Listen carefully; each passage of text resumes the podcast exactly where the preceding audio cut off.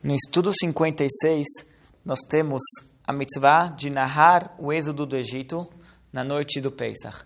Na noite do Seder, nós temos uma obrigação de contar a história da saída do Egito.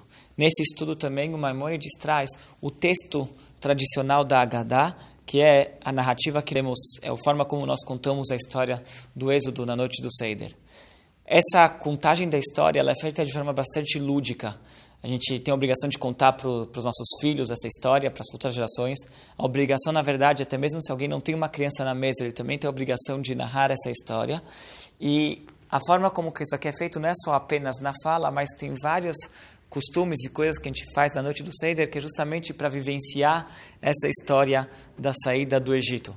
Depois, nós temos mais uma mitzvah, que é a mitzvah de soar, ouvir o som do shofar, o toque do shofar, no dia de Rosh Hashanah.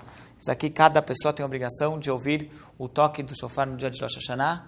A Torá não traz o motivo, a explicação do que é o shofar, mas uma das explicações mais conhecidas é que o som do shofar ele desperta o nosso coração para chuvar e Rosh Hashanah é quando começa os momentos, os dias propícios para chuvar, para o arrependimento, para nos, para nos retornarmos a Deus.